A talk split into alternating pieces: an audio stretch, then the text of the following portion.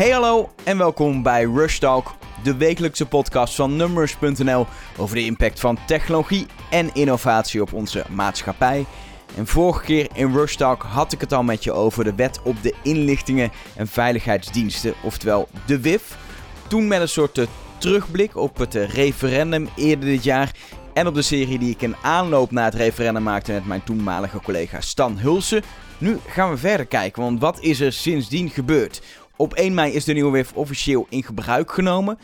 Maar wat doen de inlichtingendiensten daar nu mee? En hoe zit het met onze privacy? En wat brengt de toekomst? Ik ga het erover hebben met een journalist die zich daar helemaal in verdiept heeft en ook de ontwikkelingen goed in de gaten houdt. Joost Schellevis, tech-redacteur bij de NOS. Joost, welkom. Ja, dankjewel. Um, ik, ik, zat, ik zat te denken, eind van het jaar, een beetje december, terugkijken. Uh, wat is nou uh, allemaal gebeurd dit jaar? Dacht ik, ik kan een, uh, een podcast maken over Facebook, maar daar ben ik na twee uur nog niet klaar volgens mij. Een iets tastbaarder onderwerp misschien en iets dichterbij misschien ook nog wel in Nederland, uh, uh, nationaal, is natuurlijk uh, de WIF. Daar hebben we in maart over, over gestemd. Nou, vorige week heb ik nog even herhaald dat we toen voor podcastserie hebben gemaakt, zodat iedereen ook al weet waar het over ging. Um, er was een referendum over, maar het was in mijn herinnering bijna een soort schijnreferendum, want er was toch al beslist dat het 1 mei die wet zou, zou ingaan toen.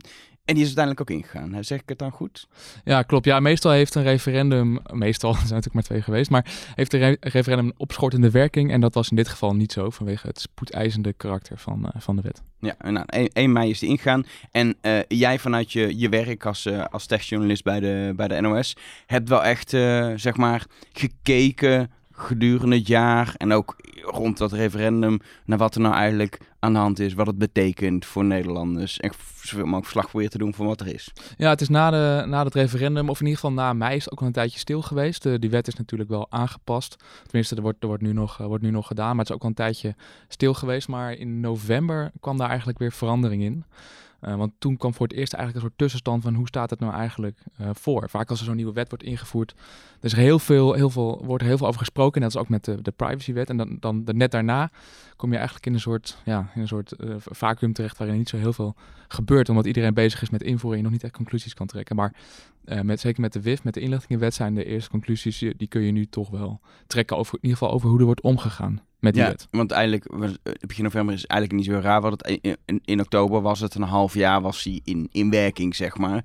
Dus dan kun je een soort van voor het eerst gaan ja, kijken. Ja, per 1 november was hij precies een half jaar. Precies, ja. wat, wat, wat, wat is nou gebeurd sindsdien? Um, uh, uh, en, en dan in de praktijk, wat, wat is er gebeurd? Want het is natuurlijk een wet waar we, waar we destijds ook hebben gezien. Het gaat om dingen die inlichtingendiensten doen, die in principe geheim zijn en waar niet te veel over gecommuniceerd moet worden. Er is wel uh, van allerlei extra checks en balances zijn er ingebouwd voor alle, alle middelen die ze hebben om in te zetten. Juist omdat er meer middelen bij kwamen met een, met een toetsingscommissie. Maar wat, wat, wat weten we nu letterlijk over dat eerste half jaar? Wat is er naar buiten gekomen? Nou, wat ik, wat ik zelf heel interessant vond, uh, en op zich niet zo heel vreemd misschien, is dat, dat, dat ging natuurlijk heel veel over dat, uh, ja, ook het sleepnet genoemd. Hè, de, het, het op grotere schaal kunnen aftappen. Dus niet gericht één kabelverbinding, maar meerdere verbindingen in één keer op zoek naar een bepaalde informatie. Dat is dus nog niet, daar zijn ze nog niet mee begonnen. Ze, zijn niet, ze hebben nog gewoon nog geen sleepnet uitgerold. Nou, ze zijn nu bezig met het realiseren van, ja, ze noemen dat dan op de onderzoeks, onderzoeksopdrachtgerichte interceptie, ooginterceptie. Uh, daar zijn ze nog mee bezig, dus dat is nog niet daadwerkelijk aan de hand. Ik had het idee dat dat dinsdag, of tenminste vorige week, dus dat dat niet helemaal overal duidelijk was. Dat, dat, dat, ook wel werd gedaan als, hey, de, de, de, inlichtingendiensten die, die zijn opeens massaal aan het aftappen, maar zijn nog niet, uh, houden zich nog niet netjes aan de wet. Uh, maar dat is dus nog niet uh, aan de hand eigenlijk. Ze zijn nog niet begonnen met het op grotere schaal aftappen. Maar wat is dan de reden dat ze dat sleepnet nog niet Is dat omdat ze het technisch nog niet voor elkaar hebben, of organisatorisch nu voor elkaar hebben, of dat ze geen reden hebben gehad om het in te zetten? Nou je, moet, je, je kunt zo'n, uh, dat, dat eerste, want je, moet, je kunt niet zomaar uh, zo'n tap uitrollen. Het is, het is echt, het is een redelijk grote operatie. Ze moeten een hele, een hele, heel aftappunt realiseren. Daar zijn ze nu mee bezig. Uh, en even uit mijn hoofd doen ze er volgens mij ook maar één per jaar de komende, komende jaren. Dus ze zijn niet van plan om meteen. Dus ze zijn nu eigenlijk bezig met het, met het realiseren van het eerste afknap, aftappunt.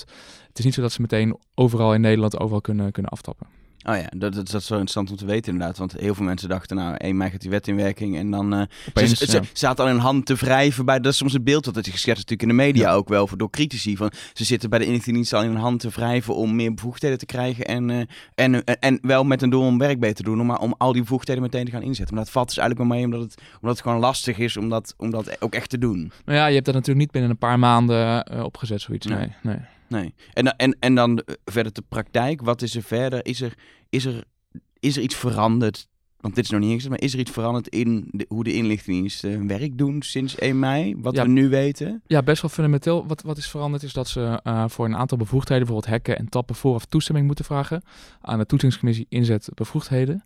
Eh, die hebben trouwens een website die echt heel moeilijk te vinden is. Dus als Oh, ze hebben ja, wel een website. Ja, zeker. Ja, tip-ivd.nl. Ik heb hem een aantal keer dat ik, hem, dat ik er zelf naar op zoek was en hem niet zo snel kon vinden. Dus mocht je, mocht je benieuwd zijn, dan kun je daar een kijkje nemen. Eh, en, die, en die controleren vooraf eh, of die ge- geheime diensten dat eh, mogen doen. Ja. Dus de minister die zet dan zijn krabbel en dan gaat het naar de geheime dienst of naar, naar, de, naar de tip. eh, waar onder andere Ronald Prins in zit en twee juristen. En dan die gaat dan kijken, eh, ja, is dit inderdaad terecht? Moeten de geheime diensten dat inderdaad mogen?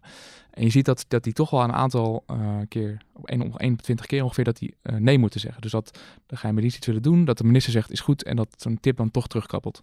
Oh, dat, is wel, dat is wel opvallend. Want als je, als je gaat nadenken, die, op een gegeven moment is die, die toetsingscommissie is eigenlijk bijna nog aan de wet toegevoegd omdat er veel kritiek was op er zijn nu zoveel bevoegdheden en er is eigenlijk alleen achteraf controle op de inzet. Toen is gezegd, we willen die toetsingscommissie hebben, zodat we eigenlijk vooraf al een controle hebben. Ehm, en die zegt dus eigenlijk heel vaak nee of dit, dit, dit verzoek is nog niet goed genoeg om Ja. uit te voeren. En dan gaat het dus bijvoorbeeld terug naar de AIVD of naar de MIVD. Die mag er dan aan sleutelen. En dan komt het misschien nog een keer wordt het ingediend, soms ook niet. En dat is denk ik wel een vrij cruciale verandering voor de, hoe die geheime diensten werkten. Want eh, kijk, zo'n minister die moet natuurlijk alsnog wel kijken... eh, is, is dit verzoek in strijd of in lijn met, de met de wet? Of is het in strijd met de wet? Dan schrijft hij hem aan de kant. Maar dit is toch een wat onafhankelijkere check. Dus ik kan me voorstellen dat dat voor die geheime diensten... Nou, dat, dat blijkt dus ook in de praktijk dat het wel een lastige, lastige verandering is. Maar, maar kun je dan ook concluderen dat ehm, ze in het verleden eigenlijk vaak niet zo goed... Ja, ze, ze werden niet vooraf eigenlijk gecontroleerd. De minister zei dit mag of niet, even heel Ja. simpel gezegd. En achteraf was er nog wel een controle. Maar is het nu eigenlijk zo dat, dat het eigenlijk al goed was geweest als die toetsingscommissie er eerder was geweest? Omdat er dus blijkbaar een check nodig is extra? Kun je dat concluderen of is het te makkelijk? eh? Nou, dat, dat durf ik niet te zeggen. Ook omdat er natuurlijk nieuwe bevoegdheden bij zijn gekomen. Kijk, als de- die conclusie had je ik kunnen trekken als er geen nieuwe bevoegdheden bij waren gekomen en de tip wel was ingevoerd. dan had je kunnen zeggen, kijk, zie je wel, dat gaat. Maar dat is natuurlijk allebei in één keer eh, gebeurd. Dus je kunt die clu- conclusie denk ik niet trekken. Want het is wel interessant, want de vraag is wel, zijn er in het verleden eh, dingen goedgekeurd die ach- achteraf eigenlijk niet goedgekeurd hadden moeten worden? En je hebt natuurlijk wel de CTVD, die zou ik echt niet onderschatten, die achteraf onderzoek doen en kijken ehm, ja, wat, wat, wat, hoe de geheime diensten zich gedragen. En eh, er worden natuurlijk wel fouten gemaakt bij de geheime diensten. En soms doen ze ook dingen in strijd met de wet. Eh, maar het is ook echt niet zo dat de geheime diensten maar wat doen. Dat, Ja, dat beeld wordt soms even, ook wel... Even eh, duidelijker, de CTIVD is eigenlijk de toezichthouder die gewoon achteraf kijkt. Ja. Jullie hebben werk gedaan, hebben jullie het goed gedaan. En als ze iets niet goed hebben gedaan, Ja. kan zeggen, eh, dit mag niet jongens. Ja, die bestaat al sinds de vorige wet op de inlichtingendiensten. En die kijken dus achteraf. Eh, die hebben op zich, die, kunnen niet, die hebben niet de macht om in te grijpen. Dus die kunnen niet zeggen, dit, deze operatie moet worden stopgelegd bijvoorbeeld. Maar ze mogen in principe wel overal in. Ze mogen overal meekijken. En ze kunnen ook verslag uitbrengen. Eh, ze, ze maken sowieso publieke verslagen. Maar stel dat het dat iets vertrouwelijk is, wat natuurlijk vaak zo is bij de geheime diensten. Dan gaat het vertrouwelijk naar de Tweede Kamer.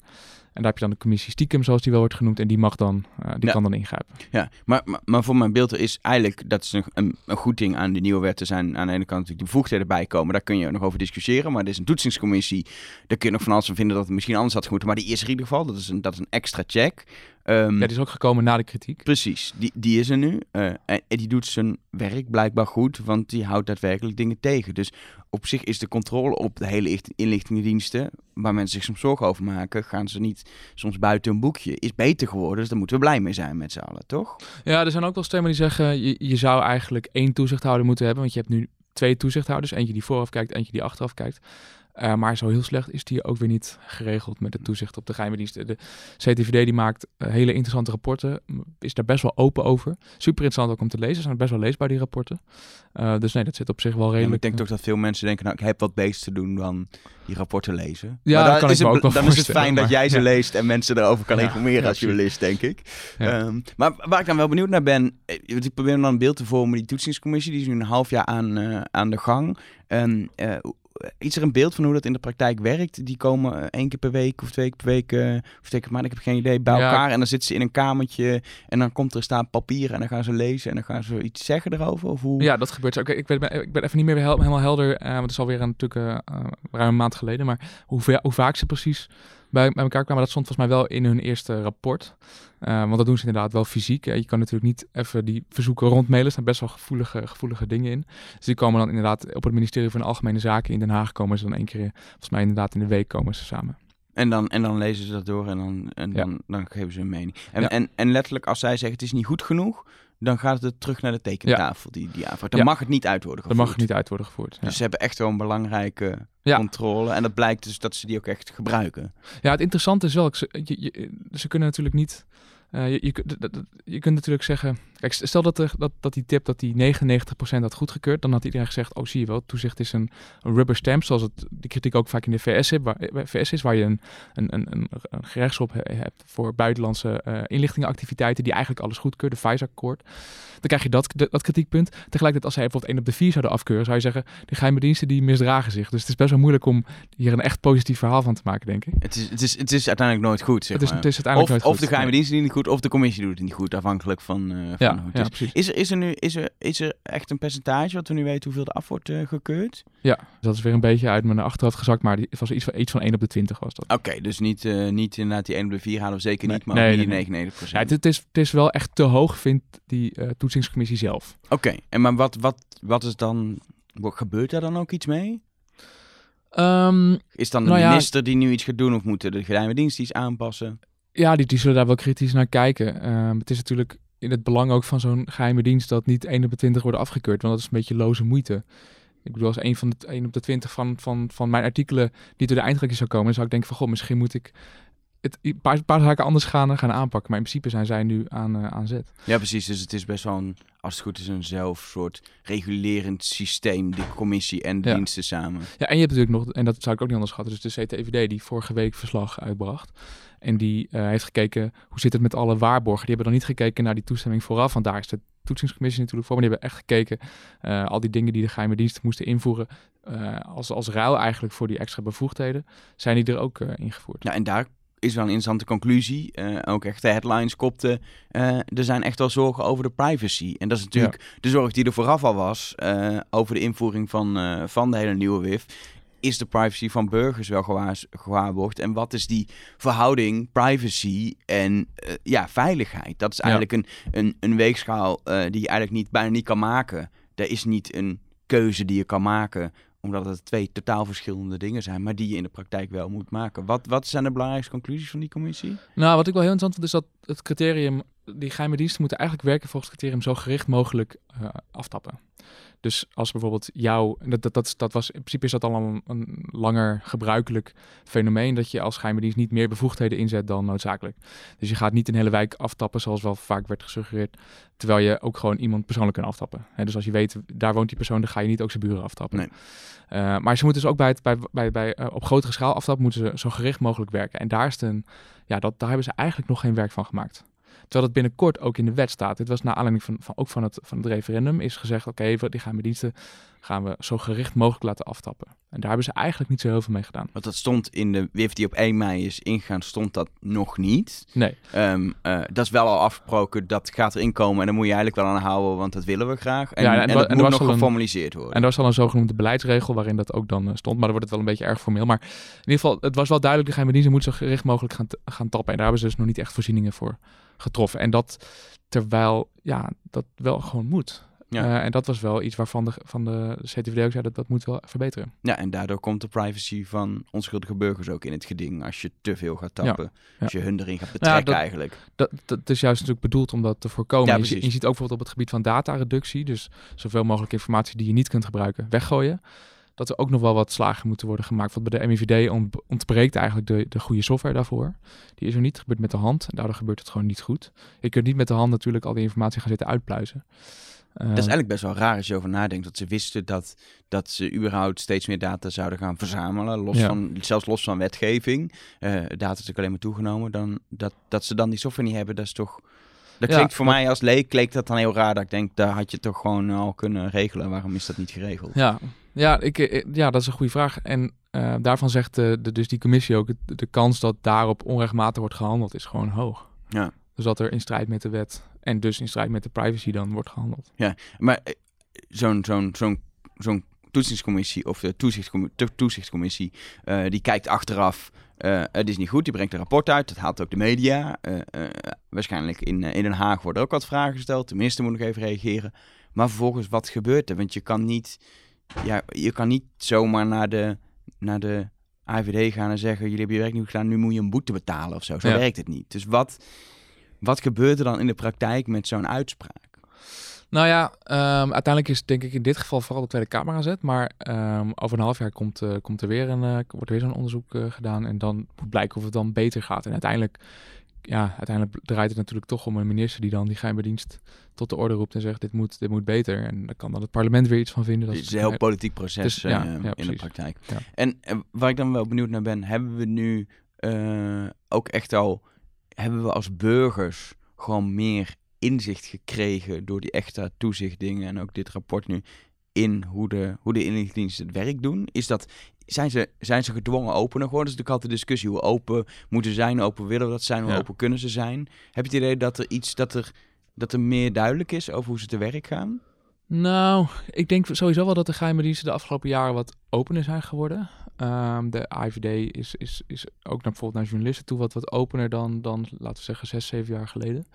Ehm, en de CTIVD brengt, nou, die heeft ook al behoorlijk wat van, van die rapporten uitgebracht met, met hele interessante details over de werkwijze van de geheime dienst en ook waar ze bijvoorbeeld de wet hebben overtreden. Dus dat is op zich niet, niet per se iets wat is veranderd per 1 mei, denk ik. Ehm, en het blijft ook altijd wel lastig, ook voor zo'n commissie, van wat breng je wel en niet naar buiten. Je moet natuurlijk ook niet te veel prijs geven over de... Je, je gaat natuurlijk niet zeggen welke internetknooppunt wordt afgetapt bijvoorbeeld. hè. Dat, Nee. dat, dat kan natuurlijk eigenlijk niet, want dan is zo, zou zoiets heel makkelijk te omzeilen zijn. Dus het blijft altijd wel een beetje lastig. Ja, we, we hebben wel, eh, en dat heeft niet direct met wet te maken natuurlijk, maar gezien op een gegeven moment die operatie van, van, van, van Russen in Nederland met een kofferbak vol, eh, vol afluisteren, wifi-apparatuur. Ja, dat was redelijk uniek eigenlijk. Ja, want wat dat betreft... Heel open door de inlichtingendiensten verteld wat er aan de hand was.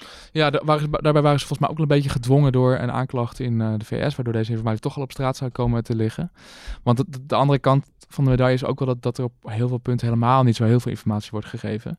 Bijvoorbeeld de geheime diensten waren altijd heel, of eigenlijk de ministers die erover gingen, waren altijd heel terughoudend met het vrijgeven van tapstatistieken. Eh, dat, dat, dat, ja, Plastic heeft ook heel lang tegen geageerd, totdat op een gegeven moment dat echt wel duidelijk was dat, ja, dat, dat die weigering om die informatie eh, vrij te geven, dat die eigenlijk ja, best wel lastig in stand te houden was. Inmiddels zijn die er dan ook wel. En Precies, omdat er het- eigenlijk geen veiligheidsrisico is aan het vrijgeven in die statistieken. ja, en het, ze zijn ook helemaal niet zo bijzonder als je ze dan ziet. Dus dan denk je, ja, waar- waarom al die, al die moeite? En dat zie je ook bijvoorbeeld met het rapport van de TIP. Daarin stond ook hoeveel verzoeken ze hadden eh, ontvangen. Ook allemaal weggelakt. Nou, dat komt dan over een half jaar wel, hebben ze besloten. Maar nu zou dan na een half jaar te veel informatie geven. De geheime die zijn ook aan de andere kant wel heel terughoudend met het geven van informatie. En dat is op zich ook wel weer logisch. Ehm, ja, want zodra je bijvoorbeeld weet, zodra je, ehm, ja, dat klinkt, ligt natuurlijk redelijk voor de hand. Het, is, niet- het heeft niet voor niets de bijnaam geheime dienst. Ehm, heel veel van, die, van, die, van de, de activiteiten die ze ondernemen, die wil je simpelweg niet als geheime dienst aan de grote klok hangen. Nee, want dat neemt alleen maar risico's met zich mee en kun je je werk uiteindelijk niet meer doen. Ja, precies. Ehm, maar he- is er al duidelijk, is er al een beeld van die, die tap, stapstatistieken komen straks, dat het aantal taps eh, eh, daadwerkelijk, zeg maar, door, door de verruiming van de bevoegdheden groeit? Er zijn natuurlijk, er zijn nu geen statistieken nog. Nee, er gaan ook alleen sta- statistieken over gerichte taps eh, komen. Ja, Dus, dus, niet we- over die, over die grootschalige. dus het is best wel, vooralsnog. het is best wel moeilijk te zeggen hoe uiteindelijk wat, wat ze in de praktijk we weten straks hoe de controle is, of Ja. ze het goed doen, maar of ze nu daadwerkelijk veel meer data zijn gaan verzamelen van, eh, Ja. eh, van mensen, dat, is, dat blijft een beetje onduidelijk omdat ze dat niet gaan delen. Ja, en ik ben benieuwd of dat misschien wel nog in een rapport bijvoorbeeld, of, of de CTVD daar wat over gaat zeggen. Want dat, is, dat, dat miste ik ook wel een beetje in het debat over de, over de WIF. Ehm, waar, waarvoor, voor wat voor onderzoeken gaat het in de praktijk gebruikt worden? En daar werd wel een beetje af en toe informatie gegeven dat ik dacht van ja, dat is niet helemaal wat, wat er echt in de praktijk gaat gebeuren. Bijvoorbeeld, ik, ik was een keer bij een debat en daar was ook oud-directeur Rob Bertelee van de AIVD. En iemand, stelde, iemand uit het publiek stelde een vraag over het verzamelen van uh, bulkdata en dat dan uh, aan de buitenlandse inlichtingendiensten overhandigen. En hij gaf toen het voorbeeld van een harde schijf uh, met heel veel informatie erop, met 2 terabyte informatie van een terrorist. Ja, natuurlijk geven we die aan een buitenlandse inlichtingendienst, zei hij toen. Maar dat is niet wat mensen bedoelen met bulkdata. Met bulkdata bedoelen mensen grote hoeveelheden data die zijn afgetapt bijvoorbeeld. En waar dus ook data van Nederlands in kunnen zitten. Van onschuldigen. Nee, dat is het belangrijkste. Het gaat om data van onschuldige mensen. Of die niet zomaar overal wordt opgeslagen of doorgegeven. Het gaat niet over het, over het delen van een harde schijf met een ander land. Maar het gaat om het, om het delen van bijvoorbeeld afgetapte bulkdata. Nou daar, daar komt dus nu ook een extra onderzoek naar door de CTIVD. Maar over dat soort casussen is niet altijd evenveel duidelijkheid gegeven. Ja, dat is lastig of die duidelijkheid ooit komt. Ja. En dat is natuurlijk, dat was al in, in de aanloop naar het referendum. Het is heel lastig om erover te praten, omdat je gewoon niet, niet alle feiten op tafel hebt liggen. Je, weet, je moet heel erg praten over scenario's, mogelijke scenario's. Uh, het gaat deels uiteindelijk om vertrouwen. Vertrouw je de inlichtingendiensten dat ze hun werk goed doen? Ja. Nou, inmiddels is wel duidelijk dat ergens we de inlichtingendiensten misschien wel minder zijn gaan vertrouwen omdat ze meer voegdheden kregen. Dus is er extra controle gekomen. Zo, zo kunnen we het eigenlijk wel zien. Maar de vraag is dan wel, kunnen we op lange termijn als burgers daar een beeld over vormen? Ja, ja, wat, wat dat betreft vind ik, is dat, gaat het heel veel over het aftappen. Uh, over het op maar, oh, grotere schaal aftappen. Wat misschien wat, wat eigenlijk een beetje onderbelicht is gebleven, is, het, um, is bulk hacks eigenlijk. Dus dat je, dat je toegang krijgt tot een systeem met heel veel informatie wel van, van terroristen, maar misschien ook van onschuldige, onschuldige uh, burgers. Um, en dat is eigenlijk iets waar, um, waar veel minder aandacht voor is geweest. En je zit, er zitten ook best wel wat waarborgen op dat aftappen. Je moet, dan, je moet dan meerdere keren ook toestemming vragen aan die toetsingscommissie. Waarbij elke keer dus wat weer teruggestuurd kan worden. Maar als je bijvoorbeeld op grote schaal wil hacken, dan is één keer toestemming voldoende.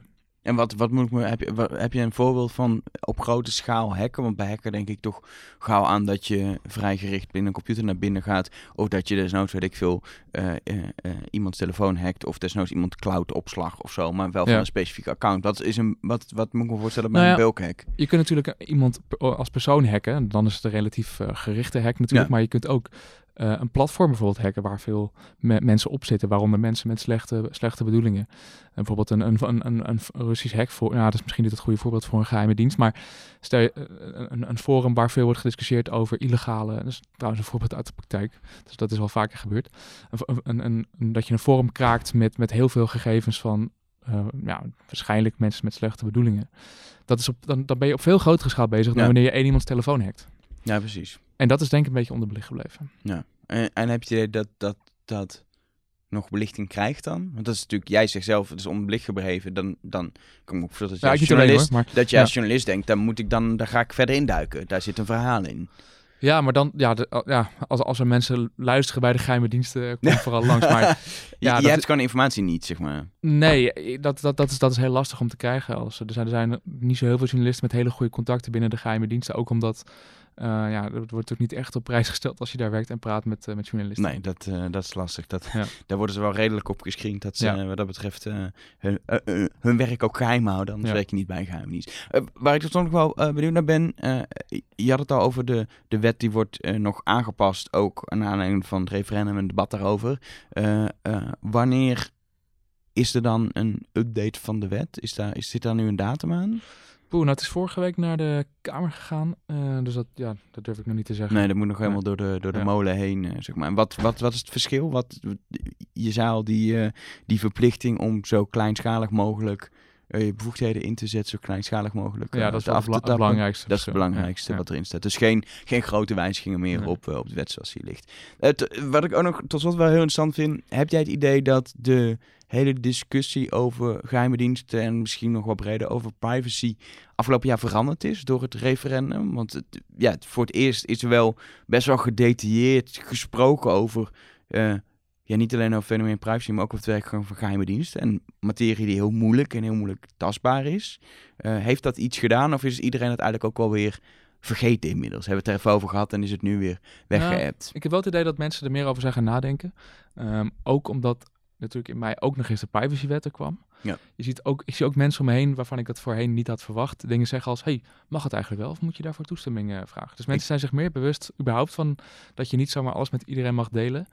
Uh, en dus ja, misschien heeft de AVG daarin nog wel meer betekend dan het referendum. Maar ook met het referendum zag je wel dat mensen nou, daar toch over zijn gaan. Hebben we, de, we, hebben, we hebben wat dat betreft een, een, een, een privacyjaar gehad met en Facebook ook nog een Facebook en de AVG en het referendum. Dat zijn drie dingen die, uh, die we allemaal hebben gezien. Uh, als je, je zou echt een, een los privacyyaaroverzicht kunnen maken ongeveer over 2018. Nee, maar dat zou zeker kunnen. Want dat, ja, ik, kijk, privacy is een van mijn favoriete onderwerpen. Dus dit was wel een van, een, een van de betere jaren. Ja, qua, qua, qua discussie en qua nieuwsgebeurtenissen op dat, op dat, op dat vlak. Maar is het, is het, denk je dat het nu een, een piekjaartje als 2018 of dat het wel, dat inmiddels gewoon de, het hele belang uh, bij mensen duidelijker is geworden en dat het gewoon meer in de aandacht komt, ook op lange termijn. Dat het wel veel meer onderdeel wordt van, van publieke debat en het bewustzijn van, van mensen.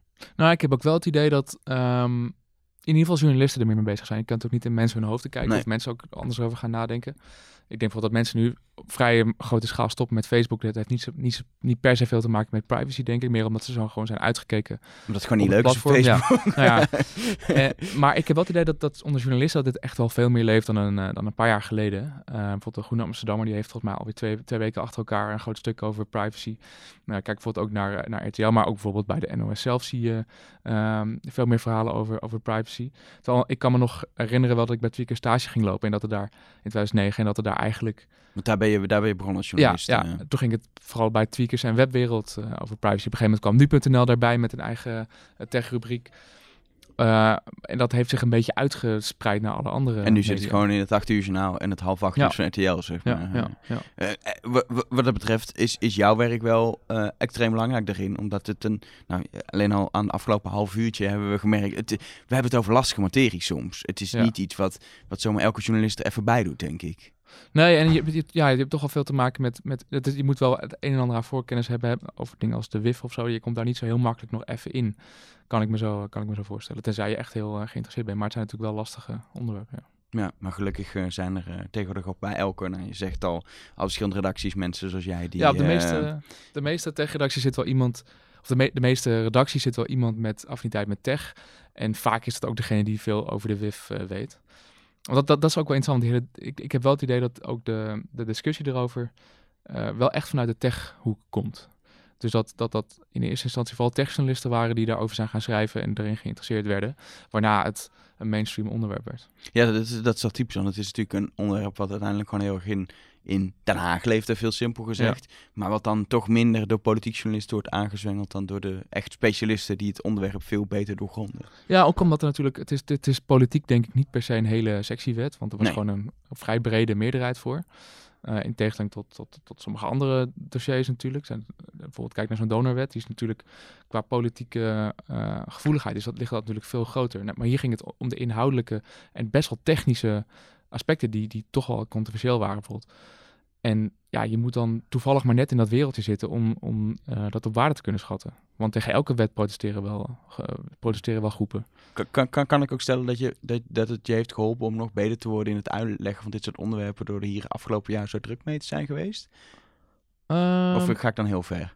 Pff, ja, dat durf ik niet te zeggen. Ik, ja, het, het, ik, het helpt wel dat... Uh, dat het zo vaak het nieuws is geweest. Maar het is echt, nou ik merk het ook nu we het over Het is gewoon echt een ingewikkeld onderwerp ja. uh, om het over te hebben. Omdat het heel juridisch is ook nog. Het is juridisch en technisch ja. en politiek in één onderwerp. Het zijn drie, ja. uh, drie specialismes uh, bij elkaar. En het rapport, het gaat ook heel erg over waarborgen en zo. In het rapport van de CTVD, wat dus vorige week uitkwam, staat niet direct. De geheime diensten misdragen zich. Dus je moet als je dat rapport leest, moet je toch wel een beetje ook snappen waarom die waarborgen er zijn. Wat het betekent als die niet worden nageleefd. En dat is, nou ja, het, het is, het is wel een taai, taai onderwerp. Ja. Jij blijft toch gewoon in de gaten houden in je werk uh, als er weer een nieuw rapport komt volgend jaar. Zeker, uh, ja, ja, En daar we slag doen. Uh, ja. Dankjewel voor nu en, en succes. Dankjewel. En daarmee komt er een einde aan deze editie van Rush Talk. Sterker nog, daarmee sluiten we het jaar af voor Rush Talk. De komende weken hebben we een uh, korte kerstvakantie. In januari ben ik natuurlijk gewoon weer terug met een uh, nieuwe aflevering. Voor nu wil ik je bedanken voor het luisteren. Heb je nog een reactie? Laat het me weten. Je kan mij altijd uh, vinden op Twitter, Elger. Jo Schellevis, met wie ik sprak, is te vinden op Twitter op uh, Schellevis. En je kan natuurlijk ook altijd een tweetje sturen naar @numbers of via facebook.com slash numbers een berichtje sturen. Ik wens je hele fijne feestdagen, een goede jaarwisseling en tot in 2019.